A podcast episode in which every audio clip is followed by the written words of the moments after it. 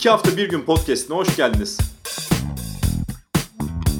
Konuklarımla iki hafta bir günde neler okuduklarını, neler izlediklerini, neler yaşadıklarını konuşacağız. Haydi kitap, dizi, film, olay, anı, deneyim ve daha fazlasını konuşmaya başlayalım.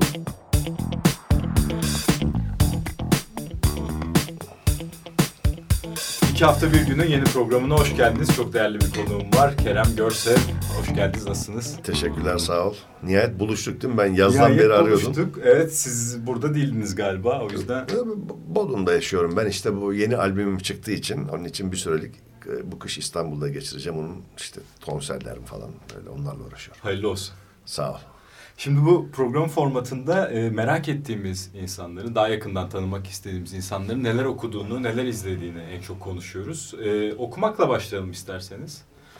Okumak söyleyeyim. E, son olarak e, Emre Kongar'ın İstanbul'a, İstanbul diye bir kitabı vardı. Onu okudum. E, şeyin, Ali Türkşen'in Sat Komandoları isimli bir kitabı vardı. Bana hediye etti. Ben de ona dinledim. Ona bir baktım. Ben özellikle hayatımda sevdiğim iki tane yazar vardır. Türk yazarlardan. Bir tanesi İlhan Mimaroğlu. Bir tanesi de Hısfı Topuz. E onların kitapları biri bana akıl hocalığı yapar. İlhan Mimaroğlu'nun kitapları. Hısfı Bey'in kitapları da tarih dersi gibi gelir. Çok güzel kitapları vardır onun. Onları okumayı çok severim. Beni böyle hayale götüren kitaplar onlar. Onları biraz daha açalım istiyorum. Ee, nasıl bir nasıl bir akıl hocalığı yapıyor mesela bir kitap? Ya şimdi İlhan Mimaroğlu'na geçeyim. Rahmetli İlhan Mimaroğlu biliyorsunuz bir Türk büyüğüdür. Babası Mimar Kemalettin. Hani bu cebimizde 20 yıllıklar var ya. O, o 20 yıllıklar resmi olan. Ve İlhan Mimaroğlu da 1960'lı 50'lerin sonunda falan Amerika'ya gidiyor. Ve orada işte e, bursla okuyor ve dünyadaki ön, e, elektronik müziği ilk çıkartan Bülent Arel ve İlhan Mimar olur. Yani bunu pek kimse bilmez. Ve de sonra Atlantic Records'ta işte Arif Mardin, İlhan Mimaroğlu, Ahmet Ertegün, Ertegün. Nasuhi Ertegün. Bu dört büyük Türk adamı e, dünyada çok büyük işler yaptılar. Tabii hepsinin işleri ayrıydı. E, e Arif Mardin daha çok böyle pop olaylarına girdi. Çakakanlar, e, Barbara Streisand'lar falan o şeyler. İlhan Mimaroğlu daha böyle karanlık şeylere. E, Ahmet Ertegün, Nasuhi Ertegün biraz daha böyle caz şeylerini işte biliyorsun Ray Charles'ın falan ilk prodüksiyonlarını yapar. Şimdi İlhan, İlhan Mimaroğlu ben onunla tanışma imkanı buldum, sohbet imkanları buldum. Bu, bu bana hakikaten bir hayat e, görüşümü değiştirdi müzikte, yaşantıda, e, dünyaya bakışta. Çok enteresan bir insandı. Onun e, evi vardı. Columbus Circle'da oralarda bir yerde bana da yakında ona giderdim böyle. E, zaten dörtte beşte akşama doğru yataktan kalkardı. Filtresiz palmal sigarasını içerdi. Ondan sonra işte hiç unutmuyorum yani siyah pantolonu vardı jean gibi, siyah bir konversler, siyah bir yarım balıkçı bir kazak, bir heybesi vardı içinde onun hep video kasetler falan böyle. Müziği anlatırdı. Bana ne anlatacak ki? Müziği anlatırdı. 48. caddede eski o caz kulüplerinin olan Ella'ların işte Parker'ların, Coltrane'lerin olduğu kendi çektiği 8 milimetrelik makinesiyle kendi çektiği videolar var. 1997 yılıydı hiç. Ya biz konumuzun dışına çıktık Hayır, ama anlatayım ben zaten, böyle. Zaten bunun sorumluluğu da o. O bize bir fikir veriyor. Oradan devam ediyoruz. Daldan dala atlıyoruz böyle. Çok güzel gidiyor ne güzel. Çünkü. 97 yılıydı galiba. Tabii 97 yılıydı. Ben Amerika'da e, Warm Autumn isimli albümü kaydedeceğim. İşte stüdyo, stüdyodan bir gün evvel de İlhan Bey'in evine gittim gene böyle. Oturduk konuştuk işte kimler çalıyor falan dedi. Tabii saydım isimlerini bilmiyor. Oğlum dedi benim için caz dedi. 1967 yılında bitti dedi. Coltrane öldükten sonra falan. Ha biz de onunla nasıl tanıştık biliyor musun? Benim ilk albümüm 94 yılında çıktığında Hands and Lips. Bir gün annem dedi ki oğlum dedi bak dedi Cumhuriyet Gazetesi'nde dedi bir sayfa İlhan Mimaroğlu seni yazmış. Allah Allah. Ki İlhan Mimaroğlu böyle ağır bir eleştirmendir. Yani albümü yazmış yazmış işte bu güzel mevziler bana kalemimden zehir değil de bal. Hadi bal çok tatlıdır yemem. Vişne suyu damlattı Müthiş, falan müthiş böyle. yani. Evet işte melodileri çok güzel. Kim bu Türk mürk falan derken ben de ertesi, ertesi sene New York'a gidip benim diye gitmiştim. Karşısına çıkmıştım böyle komik bir şey. Ha onu söyleyeceğim işte stüdyoya gideceğim dedim. Ver bakayım dedi stüdyonun adresi falan ne? Be Baby Monster Stüdyo işte böyle 24. caddede böyle bir stüdyoydu. İşte ona o zamanlar ona gücümüz yetiyor stüdyo. Çünkü prodüksiyon yapıyorum ben. Kimseden bir destek yok. Aa bir baktım böyle stüdyonun üçüncü, dördüncü parçada gene siyah gözlükler, ağzında sigara, siyah pardesü, siyah, siyah konversler. Heybesiyle İlhan Bey içeri geldi. Ondan sonra böyle bir el salladı bana. Geliyorum dedi. Biz de bir parça çalıyorduk. Girdi içeri. Bunun dedi tekrar dedi introdüksiyonunu yap dedi. Parçanın yani tekrar daha güzel bir introdüksiyon bul dedi. Parçanın ismi Mango'ydu. Hiç unutmam o günü. Anlatırdı da anlatırdı bize müzik hakkında. Anlatırdı, derin anlatırdı, anlayabileni anlatırdı. Ondan müzik açısından çok şey öğrendim. Yani, bu, yani bunları tabii ben burada anlatarak ile şey yapamam. Ee, anlatarak ne istediğimi tam olarak böyle veremiyorum. Çünkü bu konuşuyoruz burada yayından gidiyor yani ama onun söylediği sözler çok önemliydi. Peki müzisyenlerin biyografi kitaplarını okur musunuz? Ya da müzikle alakalı ne okursunuz? Öyle sorayım. Daha geniş sorayım. Tabii iyi, iyi konu açtın. Mesela Miles Davis'in bir biyografi kitabı vardır bilir misin? Okudum otobiyografisi. Otobiyografisi vardı. Kendisinin yazdığı Evet. o küfürlü. Avi, bütün- Avi Pardo çevirmişti. O da Evet. benim 90'lı yılların başında falan çevirmişti. O benim bir arkadaşımdı. Ben daha yeni tabii. Geçen sene okudum Ha, da. mavi bir kitaptır böyle Evet. şey. O çok güzel. Bir tabii hep slang şeyler böyle. bir siyahın gözünden tabii. Bir siyahın Amerika'yı. gözünden ki bi- biliyorsun Miles Davis varlıklı bir aileden gelen babası doktor falan öyle bir şey. Bugün Miles Davis biliyorsun o zamanlarda kimse de yok. Ferrari arabaları falan var yani. Ve Miles Davis de çalmayan insan yok. Güzel o, onları za- bak bir de Netflix'te neler var biliyor musun? Coltrane'in hayatı var. Dexter Gordon'un hayatı var. Nat King Cole'un hayatı var. Frank Sinatra'nın hayatı var. Bütün belgeleriyle birlikte. Böyle ikişer üçer saatlik şeyler. Bunları seyrettiğin zaman zaten bir zaman kapsülüne girip o taraflara gidiyorsun. Çok güzel. Yani kitap okumak kadar faydalı onlara. Çünkü bir şey yok, bir ticari bir şey yok onların yani çekindi adam. Belgesel işte Herman Leonard vardır dünyanın en önemli fotoğrafçılarından. Onun fotoğraflarını falan görüyorsun. Backstage görüntülerini görüyorsun. Aralarındaki konuşmaları, kavgaları görüyorsun. Coltrane'in bir ara cinnet getirip çatı katına çıkıp 15 gün aşağı inmediğini görüyorsun.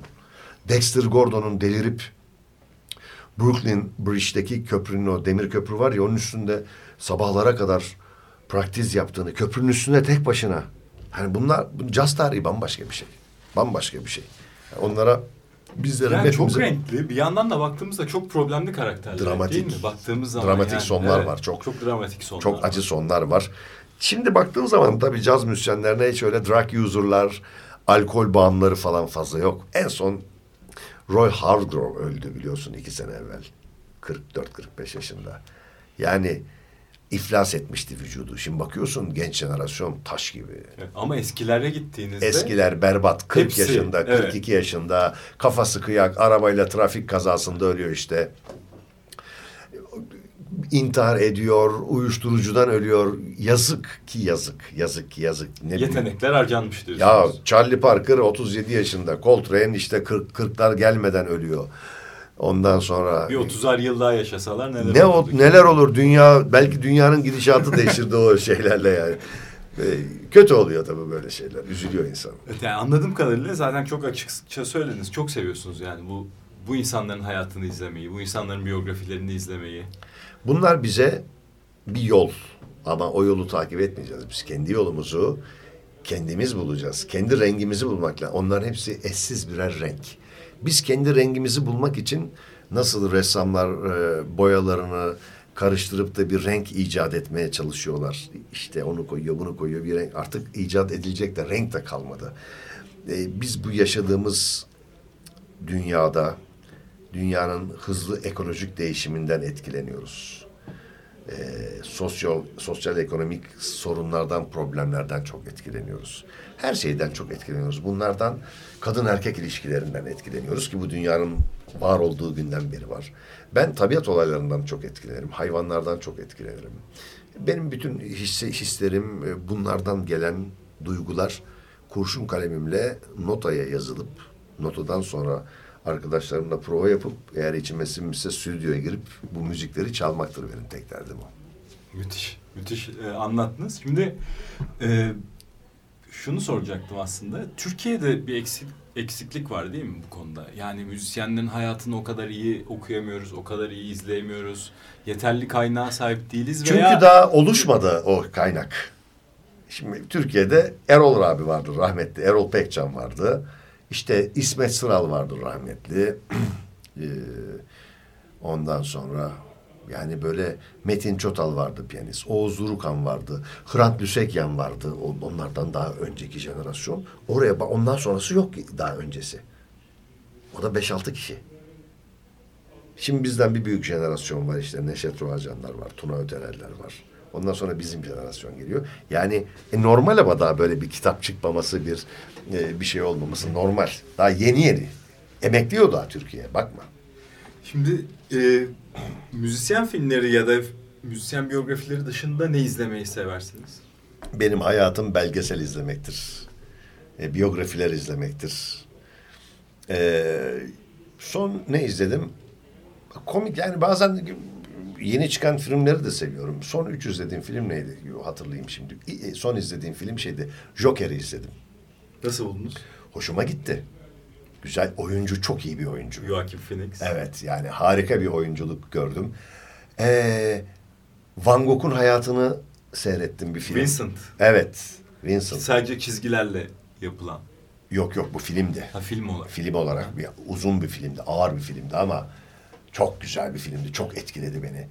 Green Book ondan önceki hikayesini biliyorsun Green Book'un. O gene Grammy aldı galiba. Beni ilgilendirmiyor Grammy alıp almaması. Film çok güzeldi. Böyle 1960'larda geçiyor işte. İtalyan bir şoförü var. Zenci bir piyanist biliyorsun. Green Book'u izlemedim. Anlatın lütfen. Ee, zenci bir piyanisti var. İzleyeceğim ama hemen şimdi. Zenci bir piyanist var. Zengin, varlıklı. Bir de İtalyan mafyoza böyle güçlü, kuvvetli bir şey. Cadillac'larla gidiyorlar her yere. E, bazı yerlerde işte zenciler giremiyordu biliyorsun. Yok diyorlar burada çalamaz falan. O zenci diye ona kötü bir piyano veriyorlar. Kabul etmiyor bu falan. E, çok trajik e, böyle ciddi bir filmdi. Çok hoşuma gitti benim. Çok etkilenmiştim o filmden. Seviyorum sinemaya gitmeyi ben. E, tarihi filmleri de çok severim bak yani diyeceksin ki e, Netflix'te Vikingleri uzun süre seyrediyorum. Moğolları seyrettim şey olarak. Roma ile ilgili filmler seyrettim. Mısır'la ilgili. Ben esasında bundan böyle seneler evvel bir Amerikalı kadın geliyordu. Hem o zaman kızıma İngilizce dersine geliyordu 10 küsur sene evvel falan. Ben de ondan böyle Yunan mitolojisi, Mısır, Aztekler, İnkalar, Orta Asya falan böyle kitaplar getiriyordu bunları. O hikayeleri e, şey yapıyordum ve şimdi mesela öyle belgeseller izleyince bu flashback böyle kafamda bir çakıyor tık tık tık tık tık yürüyor böyle. Çok güzel bir şey. Ben e, müzisyen olmasaydım Allah korusun yani müzisyenim çok seviyorum. E, tarihçi olabilirdim. Çok seviyorum. Arkeoloji bayılıyorum. Yani bir denk getirirsem şu Göbekli Tepe'ye gideceğim. Ee, çok seviyorum. Mesela ben yurt dışına çıktığım zaman benim ilk gittiğim yerler müzelerdir. Ve de şeyler, harabelerdir. Anıtlardır. Benim, ben bayılıyorum onlara. Onların içine tarih var, yaşanmışlık olan her şeyi çok seviyorum ben dünyada. Peki konserlere gidebiliyor musunuz? Ya da müzik dinleme alışkanlığınız nasıl? Çok. Şimdi biz normal müzik dinleyen insanlarız ama siz bir müzisyen olarak nasıl müzik dinliyorsunuz? Onu da merak Ya ben biraz at gözlüyümdür. At gözlüğü takarlar da atlara at sağı solu görmesin de ürkmesin diye. Benim gözlüğüm şeffaf. Plexiden at gözlüğüm. Sağımı solumu görebiliyorum da Çok açılmıyor ama. çok açılmamak zaten ben çok açılmasını istemiyorum. Darbelerden korunmasını içinsin. Ben klasik müzik çok severim. Zaten konservatuvara 1967'de klasik eğitimle başladım. Bir de cazın da her tarzını sevemiyorum. Bu da gayet doğal. Sen her kadını beğenebilir misin? Değil mi? Bir ideal bir kadın vardır. Onunla yani 50 ki- kadını beğenemezsin hayatta. Beğenirsin ama birlikte olamazsın. Bu benim de sevdiğim akustik caz. 1940-50-60'ların soundlarını seviyorum. Ama o soundlarla bu- bugün yapılan müziklere de aşığım. Yeni eserleri dinlemeyi çok seviyorum. Yeni müzisyenleri dinlemeyi çok seviyorum ama ağırlıklı olarak ben Bill Evans fanatiyim. Bende 89 tane albüm var Bill Evans'ın. Coltrane'ler, McCoy Tyner'lar, Kenny Barron'lar, Hank Jones, Tommy Flanagan böyle sayarsak saatler olur burada o dinlediğim müzikleri. Onları seviyorum. Mainstream çok severim, bebop çok severim. Ee, bunlar sevdiğim müzikler. Nasıl dinliyorsunuz peki? Yani mesela Spotify'dan mı dinliyorsunuz? Ya Spotify'a yeni üye oldum daha biliyor musun? Yeni üye oldum. Benim güzel bir koleksiyonum var evde. Süzme koleksiyonum var CD'den. Ben CD'den dinlemeyi yıllardır severim. İyi kulaklığım var. Onu her zaman yanımda taşırım nereye gidersem. Bir de böyle piramite benzeyen bir şeyim var. Amerika'dan aldığımız. Bose, Bose, Bose, Bose ne diyorlar ona artık? Bose mu diyorlar? Bose. Boze diyor. Boze ha, öyle bir şey var. Onda mesela bir yere gittiğim zaman böyle yanıma koyuyorum. Otel odasında orada burada güzel sound veriyor. Müzik dinlemeden yaşayamam. Ben her gün 5-6 saat müzik dinlerim. En az 5-6 saat. En Anladığım az ama, en az. Anladığım kadarıyla bir 2-3 saatinizi de bir şey izlemeye ayırıyorsunuz. E bir iki saati de okumaya olsa zaten gün bitti. Çalma? Aa. Çalmayı düşünemiyorum. Çalma ne kadar? Çalma canım istediği zaman. Öyle mi? Evet. Okuma A- daha zaman. Artık Dürüst. öyle mi yoksa Şimdi artık öyle değil. Ee, Yani tabii böyle oturup da saatlerce praktiz yapmıyorum. Şimdi bak ne oldu bu- bugün biliyor musun? Ben 8'de çıktım evden. 9'da tünele gittim. İşte Marmara'yla Yeni Kapı'ya gittim. Suadiye'den Yeni Kapı'dan Şişhane'ye? Şişhane'ye indim orada. Orada Dore müzik mağazası var. Yamaha piyanocu. Girdim oraya bir 45 dakika. Gerçekten. Aa, Müthiş. ya sabah bir keyif yapayım dedim. A, Kuyruklu piyano vardı orada. Şöyle bir güzel keyfimi yaptım. Ve Ya- gelenler için müthiş bir sürpriz tabii. canlı yayın yaptım bir de orada. Yani Ondan gelen- sonra şey oradan çıktım Lale Pilav uğradım. Bizim sevgili Hakan'a ki ayın bu ayın 14'ünde 14 Aralık Cumartesi günü orada imza günüm var. Bütün plaklarımı falan imzalayacağım. Şey yapacağım. Ondan sonra da sana geldim burada. Yani piyanoya dokunmadan olmaz. O piyano denen olaya her gün dokunmak zorundayım. Seviyorum onu. Anladın mı? Derler ya. Onu seviyorum. Seni seviyorum. Hakkım. Piyano ve deniz benim tutkum. Açıkçası sizin anlattığınız gibi anlamam çok zor bunu. Yani o piyanoya her gün dokunmayı. Nasıl bir şey o? Ya sihirli kutu desem değil. Ee, okyanus gibi derin bir felsefe desem değil. Gökyüzü gibi uçsuz bucaksız. Yani o güzel bir şey böyle beyaz tuşlara basıyorsun, siyaha basıyorsun. Değişik sesler veriyor. Aa diyorsun. Hadi sol elimle bir akur basayım üstüne bir doğaçlama yapayım. Pedala basıyorsun sesler uzuyor biraz böyle seni etkisi altına falan. Bu, komik bir şey, komik bir enstrüman ama ayrıyeten de çok ciddi bir enstrüman. Ayrıyeten piyano bir attır. At gibidir. Senin acemi olduğunu anlarsa randıman vermez sana. Piyanoyu bastıracaksın. Gel bakalım diyeceksin şeyinden. Emin oturacaksın piyanoya. Tuşlarla oynamayacaksın, çalacaksın. Yeni başlayanların işi zor. E, o yeni başlayanlarda Beyer'de işte parmak böyle do do do do re re re re parmaklarını güçlendirecekler. Evet, çalıyor ben de yaptım onları. Bu iş böyle sabır işi biraz. Hemen bütün ben görüyorum işte aileler çocuklarına piyano alıyorlar. Bu beni çok mutlu ediyor. Bak Azerbaycan'da yüzde 99 piyano var evlerde biliyorsun. Ama o Sovyet etkisi anladığım kadarıyla. E, yani işte- Sovyetlerden gelen bir müzik ge- mirası var. işte bu neye geliyor? Eğitime geliyor. Evet. Eğitime geliyor. Bugün Türkiye'de çalışan eee, bölündü tabii şimdi Eee, Rusya'nın etrafındaki işte Moldova olsun, Kazak olsun, şey olsun. Türkiye'de gelen evlerde çalışan kadınlar var biliyorsun. Bir tanesi hemşire, bir tanesi avukat, bir tanesi bir şey. Oralarda para bulunmuyor. Gelip burada evde gündelikçilik yapıyorlar. Hepsinin meslekleri var. Bak ne oldu biliyor musun? 20 sene olmadı. 20 sene evvel ben 21 sene evvel gittim şeye St. Petersburg'a. St. Petersburg Filarmoni ile orada bir albüm yapmıştım. Çok ilk ilk yaylı albümüm odur. Tabii ondan sonra Londra Filarmoni ile yaptım. Prag Filarmoni yaptım. En son Los Angeles böyle 20 senenin içine 3-4 tane böyle büyük orkestra albümü yaptım. Seviyorum çünkü. Bu Bill gelen benim yaylılarla çalma. Aşığım. Yaylılarla çalmak başka bir boyuttur. Sizi Artan- daha da yükseltiyor. Artan'da böyle yaylı orkestra var ve de dünya çapında aranjörler yazıyor onları falan böyle. Gökyüzünde iki tane helikopter park etmiş düşünsene. 100 metre arayla. Arasında da bir tane de ipek çarşaf var. Yaylılarla çalmak odur işte onun içinde durmaktır. Böyle yaylanıyorsun. Piyano öyle üstüne. Daha geçen hafta çaldım Antalya Piyano Festivali'nde. Antalya Devlet Senfoni Orkestrası'na Oğuzhan Kavruk yönetti. Çok zevk alıyorum. Böyle gece konserden sonra... Anlatırken o kadar belli oluyor He, ki zaten. Gece konserden sonra gelip yatağa yattığın zaman böyle diyorsun ki oh be Allah'ım sana şükürler olsun bu nimetten faydalandırıyorsun diye beni. Bu çok güzel bir şey. Ya ne anlatıyorduk? Daldan dala uçup konuyoruz. Neyse.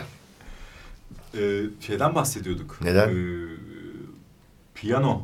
Azerbaycan'daki Ha, piyano. O e- tam orada. e- eğitimle ilgili şey işte görüyorsun. Ha o geldim işte St. Petersburg'dan. Evet, evet, o albümün bir, o albümün birine verdim bir arkadaşıma. Onun da evinde bir öyle bir Türkiye Cumhuriyet ama daha böyle Rusya'ya yakın bir şey. Tatar mıydı, Özbek mi bilmiyorum. Ya dem, or- o di- dinlerken o albümü ya demiş galiba bu Rus orkestrası yaylı çekişi ona benziyor. Düşünebiliyor musun? Evet. Çünkü hani karakter yani Yaylı'nın çekişinden. Evet, yaylıların sound'u Rus orkestrasına benziyor dedi. Bana bunu gelip söyleyince yani vallahi dedim inanılmaz. Yani bir evde çalışan bir kadın ve dinlediği sound'dan kendi memleketinin orkestrasını tanıma. Belki ben tanıyamam, belki sen de tanıyamazsın. Son olarak şeyi sorayım. Türkiye'de e, caza karşı ilgiyi bundan birkaç kademeyle yani mesela 10 sene, 20 sene, 30 sene öncesine göre kıyasladığınızda ne görüyorsunuz? Çok iyi görüyorum yani genç jenerasyon var. Çok şey insanlar var swing eden, müziğe inanıp da her notayı kalbinden basarak çalan. Bana böyle insan lazım zaten. Böyle insan lazım ülkemize. Amatör ruh her zaman iyi profesyoneliteyi çıkartır. Ee, çok iyi müzisyenler var Türkiye'de. Akustik cazı takdir edip, inanıp, inanarak çalan, hayal kurarak inanan müzisyenler. Bunlar olduğu sürece iyi ama çok çok çok azız Dinleyici nasıl? dinleyiciyi. Bak e, Türkiye'de o kadar güzel kulüpler açılmaya başladı ki o kadar. Mesela Akasya'nın içinde Bado diye bir yer açıldı biliyor musun? Mükemmel bir piyanosu var. Zorlu'nun içinde Tuşe diye bir yer var. Caz kulübü. Ben her hafta, e, her ay orada iki üç gün çalıyorum. İçinde Steinway piyanosu var, davulları Gretsch, Bado'da davullarda Gretsch, konturbası var, mükemmel ses tesisatları var. Bunlar çok önemli. Buraya insanların... Zaten Nardis yıllardır. Nardis amiral gemisi. Nardis ilk açılan 18. senesi oldu bu sene Nardis'in yani. Çok güzel yerler var. Müzisyenler, perform. Bir de caz çalınan yerler var işte. Social bar var. Ondan sonra eee, şeyler var. Eee Donizetti'nin bir yeri var. Donizetti Oteli'nin altında bir mesela caz kulüp var. Eee, va- va- açıldı böyle bir takım yerler. Müzisyenleri görüyorum böyle her gün 8-9 tane yerde caz çalınıyor. Ama bunların içinde üç tanesi sadece caz kulübü. Ötekiler caz çalınan mekanlar. Güzel. Niçin öyle diyorum? Konser piyanosu olmayan, kuyruklu piyanosu olmayan caz kulüpleri pek caz kulüp ismini ver, vermek doğru değil yani. Caz çalınan kulüpler Caz çalınan siz. kulüp diyorum bak. Ötekiler de caz kulübü. Mesela caz kulübü işte Zorlu'nun içindeki Tuşe. Steinway bir piyano ko- koydurduk oraya. Murat Abbas var biliyorsun. Abbas oranın başında. Baba bir Steinway. Öteki tarafta Brücknel var. Nardis'te bir çeyrek kuyruk bir Yamaha var. Kuyruklu. E bunlar güzel. Yabancı müzisyenler de geldiği zaman eğleniyorlar. Hoşuna gidiyor. Bir yandan da son olarak şunu da sorayım. Caz festivalleri de devam ediyor İstanbul'da ve çok yerleşmiş bir gelenek. Cazı yakından takip edenler zaten gidiyorlar festivallere ama uzaktan takip edenler de artık bu festivallerin bir parçası olmayı ve o İstanbul'un bir parçası oldu bence o festivaller. Festival artık 365 gün yaşıyor İstanbul'da. Bunu sana ben söyleyeyim. Niçin diyeceksin. Şimdi yazın Uluslararası İstanbul Caz Festivali var. Bu 30. senesine yaklaştı. Bu amiral gemisi. Yaz bitiyor. Hemen sonbaharda Akbank Caz Festivali başlıyor. Bahar ayında yaz gelmeden Zorlu PSM bu sene üçüncü festivali yapacak. Ben kadroyu biliyorum. Bir gelecek kadro var. Kafayı yersin yani. Buradan da müjdeyi verelim. Evet, yani. Zorlu PSM Caz Festivali var. E bakıyorsun İş Sanat, CRR. CRR'nin başına şimdi kim geçti biliyor musun? Cem Mansur geçti. Cem Mansur çok entelektüel, çok önemli bir müzik adamı orkestra şefidir. Şimdi oradaki programlar da başka e, yerlere girmeye başlıyor. O iyi bu caz kulüpleri var. Özel e, şirketlerin böyle bazen sponsorluk yaptığı sponsorluk yaptığı bazı konserler oluyor falan. Ne oluyor? Caz kulüpleriyle birlikte 365 gün şehrin içinde bir e, caz nefes veriyor. Bunu Ankara'ya da ufak ufak buradan gelenler gidiyor. E, geçtiğimiz günlerde Antalya Caz Festivali vardı. Akra diye bir yer var Ankara'da. Antalya'da bir caz kulübü. Her gün orada caz müziği çalınıyor. Gene piyanoları falan da var. E bunlar büyük şeyler ya. Gelişiyoruz. Nereden nereye geldik? Nereden nereye geldik tabii. Kerem Görsel çok teşekkür ediyorum. Çok Rica keyifli ederim. bir sohbetti. Rica ederim. Ayağınıza sağlık. Sağ olasın.